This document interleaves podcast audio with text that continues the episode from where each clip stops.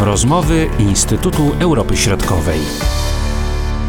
Witamy Państwa w podcaście Instytutu Europy Środkowej. Są ze mną dzisiaj profesor Anna Moraczewska. Dzień dobry, witam Państwa. I doktor Jakub Polchowski. Dzień dobry. Szanowni Państwo, rozmawiamy dzisiaj o skuteczności sankcji.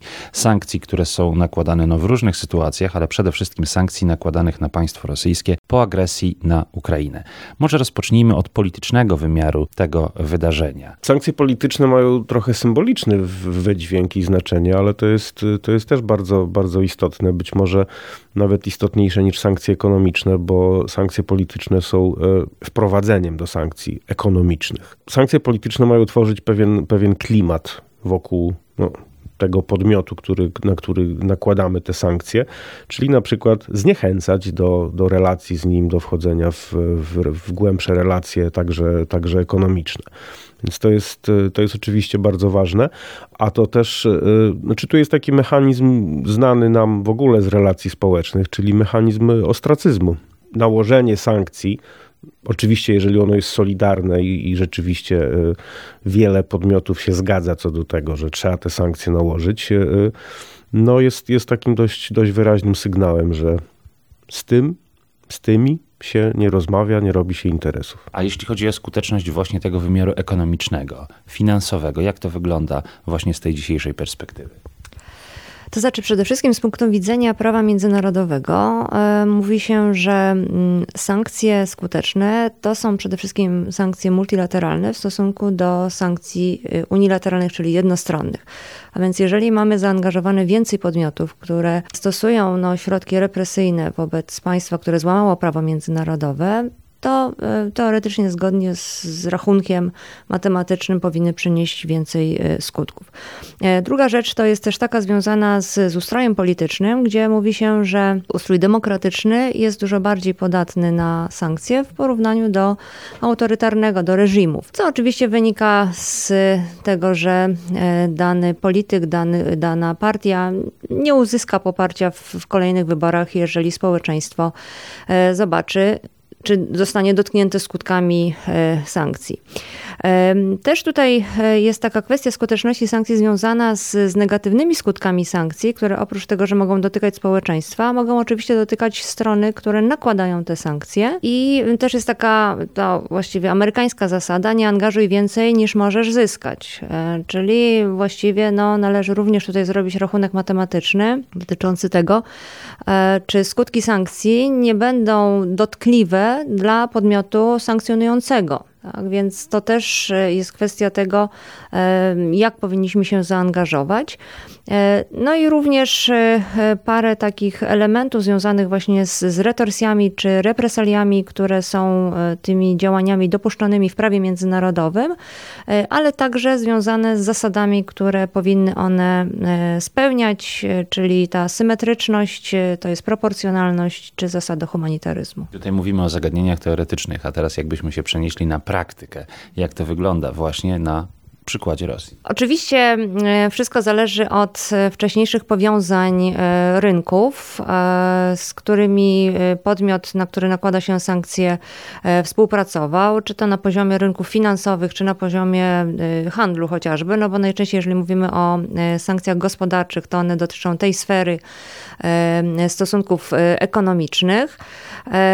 No i tu oczywiście trzeba powiedzieć, że Rosja no, była tym rynkiem, czy jest rynkiem nadal, który dość, tak powiem, głęboko wszedł we współpracę międzynarodową. E, był dopuszczony e, także do, do, do rynków e, finansowych, bo też mówiąc o skuteczności sankcji, wracając do tego, uważa się, że sankcje te finansowe, czyli w sferze finansowej, są najbardziej dotkliwe dla państwa. No i w tych sankcjach nałożonych na, na, na Rosję odwołano się do tych instrumentów finansowych, chociażby do wykluczenia banków właśnie z systemu SWIFT-u, czy też do zamrażania zamrażania y, kont y, nie tylko tutaj banków rosyjskich, ale również indywidualnych osób, czyli oligarchów. Także w rzeczywistości faktycznie można mówić o tym, to można obserwować po parametrach takich jak spadek wzrostu gospodarczego, to jest kurs waluty, prawda, który również tu możemy mówić o spadku kursu rubla rosyjskiego. No i oczywiście PKB to są jakby dodatkowo, które mogą być generowane przez inne czynniki ekonomiczne, które także dotykają państw, chociażby takie jak skutki pandemii, no to te wzmacniają jeszcze spowolnienie gospodarki e, i e, recesję. Jeśli chodzi właśnie dalej o ten praktyczny wymiar, na ile te sankcje nałożone na Rosję są skuteczne? Często takie głosy się pojawiają, e, możemy usłyszeć, przeczytać, że sankcje nie działają, że sankcje nie działają i, i, i że to, to właściwie żadnego efektu nie przynosi. Mm, czy pytanie kluczowe jest, a co to znaczy, że sankcje działają? No bo y, to nie jest sankcje ekonomiczne, to nie jest y, y, sprint, to jest maraton. One, one działają w, w, w dłuższej perspektywie czasowej i, i one działają. No to, to już widać, bo to widać po, po twardych danych, dlatego że jeżeli w lutym zeszłego roku Rosja miała budżet rosyjski, dysponował ponad 400 miliardami nadwyżki, to w tej chwili budżet rosyjski w lutym tego roku miał już ponad 30 miliardów deficytu. E, w dolarach oczywiście.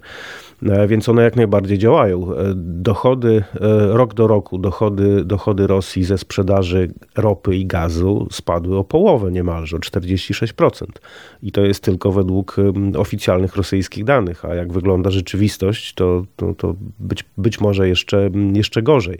Więc one jak najbardziej działają. Tutaj kluczową rzeczą będzie z punktu widzenia Rosji i tego, że jej budżet jest oparty na sprze o sprzedaż kopalin właśnie, będzie, miał, będzie miała kwestia dostępu do technologii. I już ma to, już, już, to już jest problem, bo sami Rosjanie przyznają, że e, wielu technologii oni po prostu nie są w stanie sami wyprodukować, a zastąpienie technologii zachodnich chińskimi e, wcale nie jest, wcale nie jest takie, takie łatwe i może potrwać latami.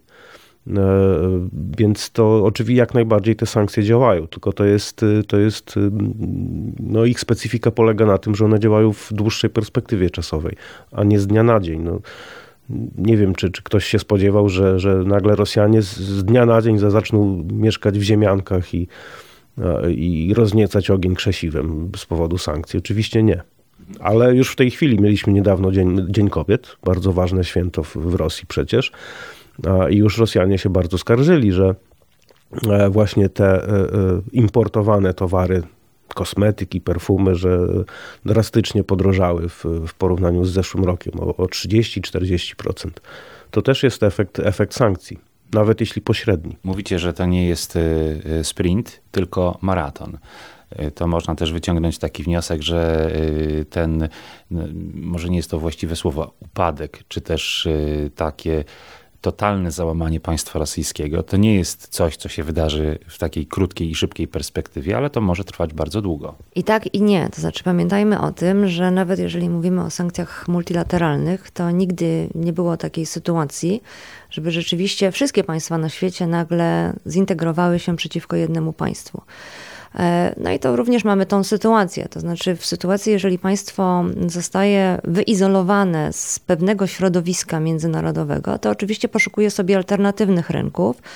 E, no i to takie e, transkontynentalne położenie Rosji pozwala jej w dużym stopniu i Rosja do tego no, przygotowywała się już wcześniej, czyli nawiązywanie bardziej intensywnych kontaktów e, z Chinami czy z Indiami. E, no i e, tu oczywiście mamy też no, pozostałe państwa. Tu można mówić o tym, że to właściwie ten Zachód, który Rosja tak definiuje jako ten taki najbardziej negatywny, to są te państwa, które które ułożyły się i przeciwstawiły się agresji Rosji. Pamiętajmy o tym, że to nie jest tylko od zeszłego roku, tylko jest już od 2014 roku, kiedy faktycznie te sankcje obowiązują. Więc jeżeli mówimy o pewnego rodzaju maratonie, no to też możemy się zastanawiać, jeżeli one trwają od 2014 roku, a Rosję było stać jednak na atak na Ukrainę czy kontynuację tego, tego konfliktu, no to pytanie, jak bardzo te sankcje z 2014 roku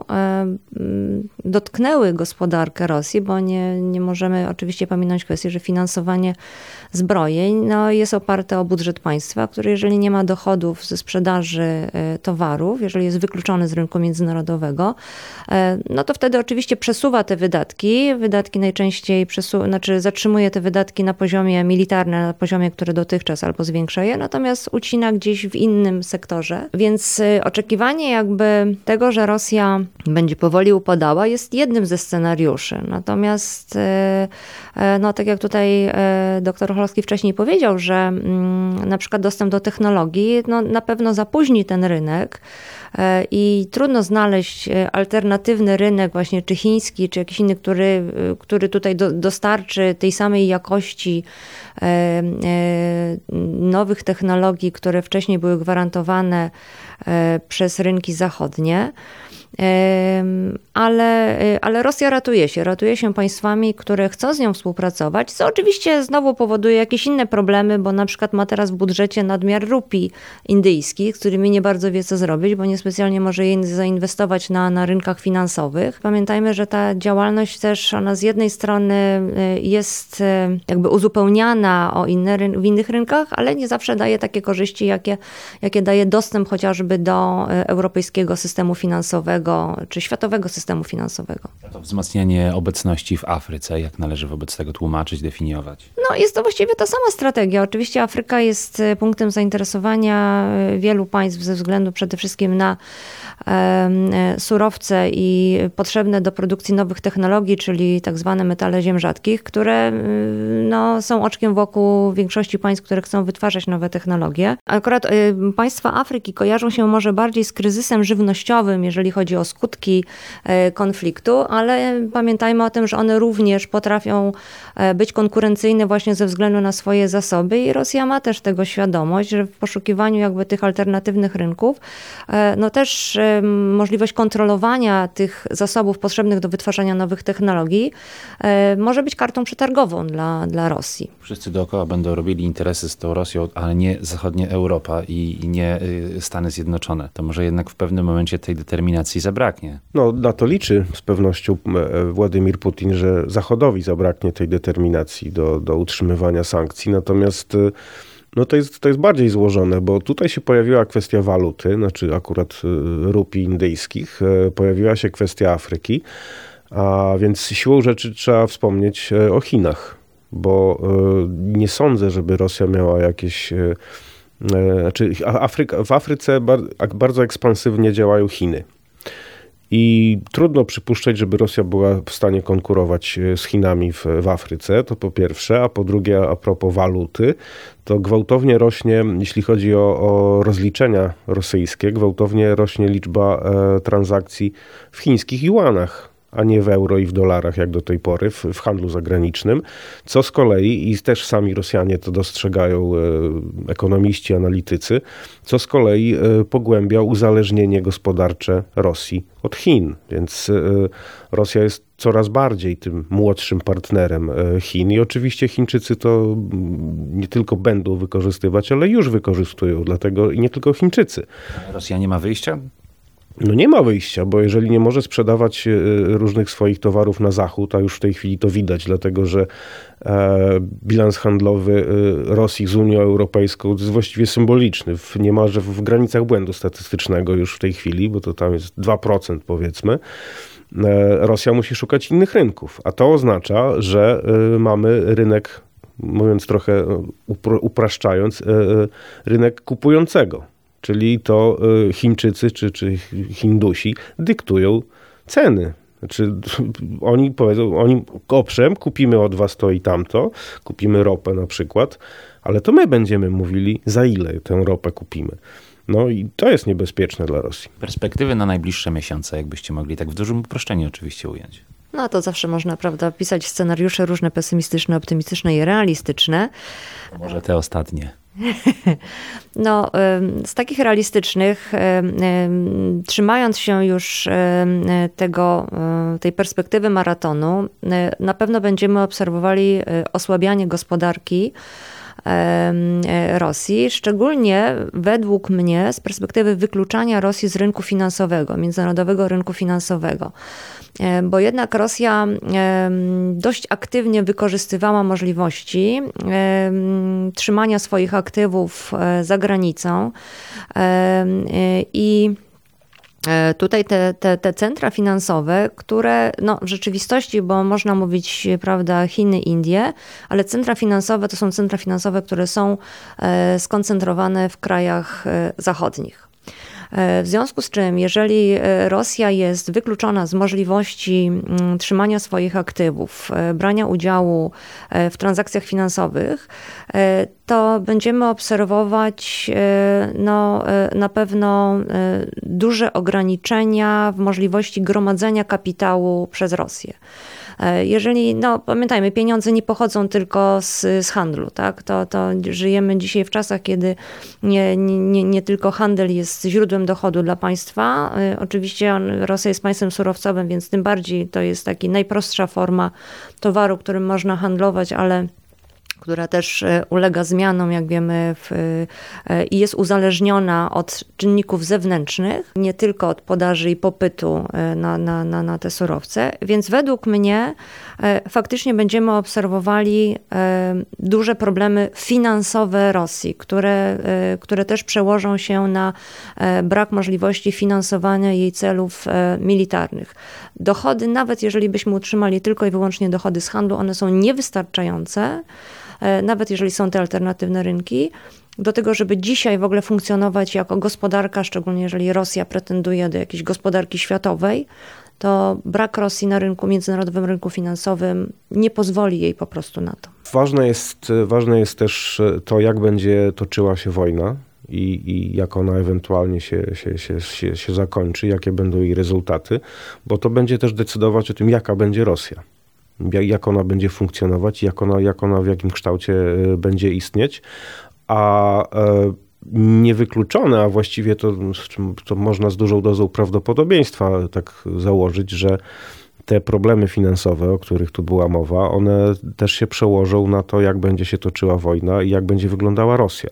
Dlatego, że w tej chwili e, wydatki budżetu rosyjskiego to są po pierwsze wydatki na wojnę właśnie, a po drugie to są wydatki socjalne a te wydatki będą y, prawdopodobnie musiały być obcinane, y, biorąc pod uwagę y, no, te problemy finansowe Rosji, a to może się nawet społeczeństwu rosyjskiemu, dość takiemu, dość pasywnemu i biernemu, to, to, to, się, może, to się może nie spodobać. A na te problemy też będzie się przekładać brak rąk do pracy, to, który już jest też zauważalny w, w Rosji, szczególnie w niektórych sektorach, na przykład w sektorze IT dlatego że zachodnie firmy opuściły rynek rosyjski. E, bardzo wielu specjalistów wysoko opłacanych wyjechało z Rosji, właśnie Rosjan, też uciekając przed mobilizacją zresztą także. I to się robi też e, rynek, e, znaczy dziura, dziura na rynku, na rynku pracy, w wielu innych sektorach zresztą, zresztą także. I prawdopodobnie to się będzie pogłębiać, a to się z kolei przełoży, takie są już prognozy instytucji finansowych, na kurczenie się po prostu e, gospodarki rosyjskiej. I to być może e, szybsze niż nam się wydaje. Dziękuję bardzo za tę rozmowę i za ten komentarz. Do usłyszenia, do zobaczenia. Dziękuję serdecznie. Dziękuję.